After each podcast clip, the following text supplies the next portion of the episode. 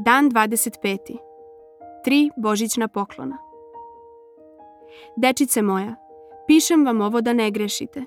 Ali ako neko izgreši, imamo zastupnika kod oca, Isusa Hrista pravednika.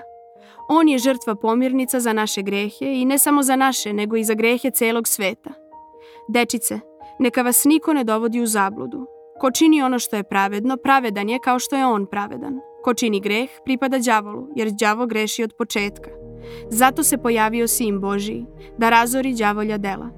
1. Jovanova 2, 1 do 2, 3, 7 do 8. Razmišljajte sa mnom o toj izvanrednoj situaciji. Ako je Božiji sin došao da vam pomogne da prestanete da grešite, da razori đavolja dela, i ako je došao da umre kako bi kad zgrešite postojala žrtva pomirnica koja uklanja Božiji gnev, šta to onda znači za vaš način života? Tri stvari. Divno je imati svaku od njih. Dajem vam ih ukratko kao božićne darove. Prvi dar. Jasna svrha života. Prva posljedica je da vaš život ima jasnu svrhu. To bismo odrično mogli da kažemo ovako. Nemojte činiti greh. Ne činite ono što sramoti Boga. Pišem vam ovo da ne grešite. Zato se pojavio Sin Božiji, da razori đavolja dela.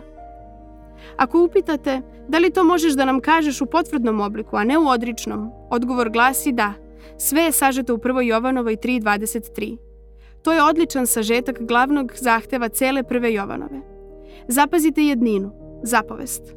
A ovo je njegova zapovest, da verujemo u ime njegovog sina Isusa Hrista i da volimo jedan drugoga kao što nam je zapovedio.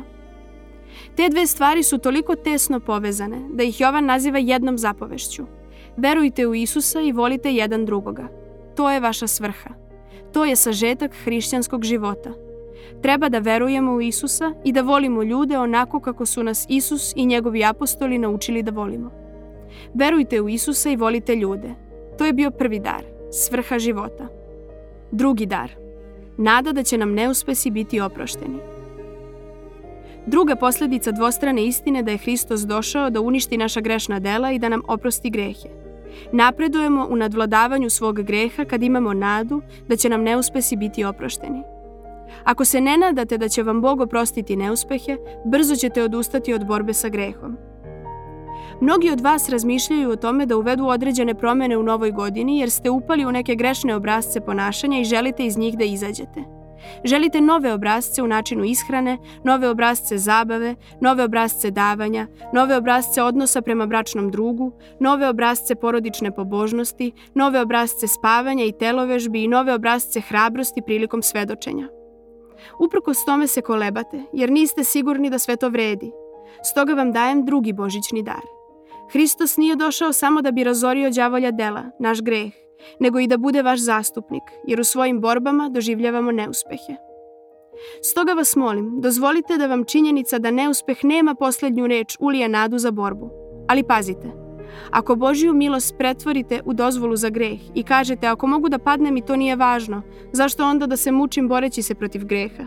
Ako to kažete i mislite, i ako to zaista radite, onda verovatno niste ponovo rođeni i treba da drhtite. Ali većina vas nije u toj situaciji. Većina želi da se bori protiv grešnih obrazaca u svom životu i Bog vam govori sledeće. Nek vam Hristovo pokriće za vaš neuspeh ulije nadu za borbu. Pišem vam ovo da ne grešite, ali ako neko izgreši, imamo zastupnika kod oca, Isusa Hrista, pravednika. Treći dar. Hristos će nam pomoći. Na kraju dolazimo do treće posljedice dvostruke istine da je Hristos došao da uništi grešan način života i da nam oprosti grehe. Hristos će nam zaista pomoći u borbi. On će vam stvarno pomoći. On je na vašoj strani. On nije došao da uništi greh zbog toga što je greh zabavan, nego zbog toga što je greh smrtonosan. Greh je đavolje varljivo delo koje će nas uništiti ako mu se ne usprotivimo.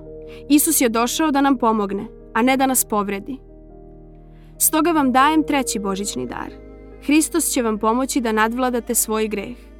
U prvoj Jovanovoj 4.4 piše Onaj koji je u vama veći je od onoga koji je u svetu. Isus je živ i svemoćan. On živi u nama po veri i na našoj je strani, a ne protiv nas. On će vam pomoći da se u novoj godini borite protiv greha. Verujte mu.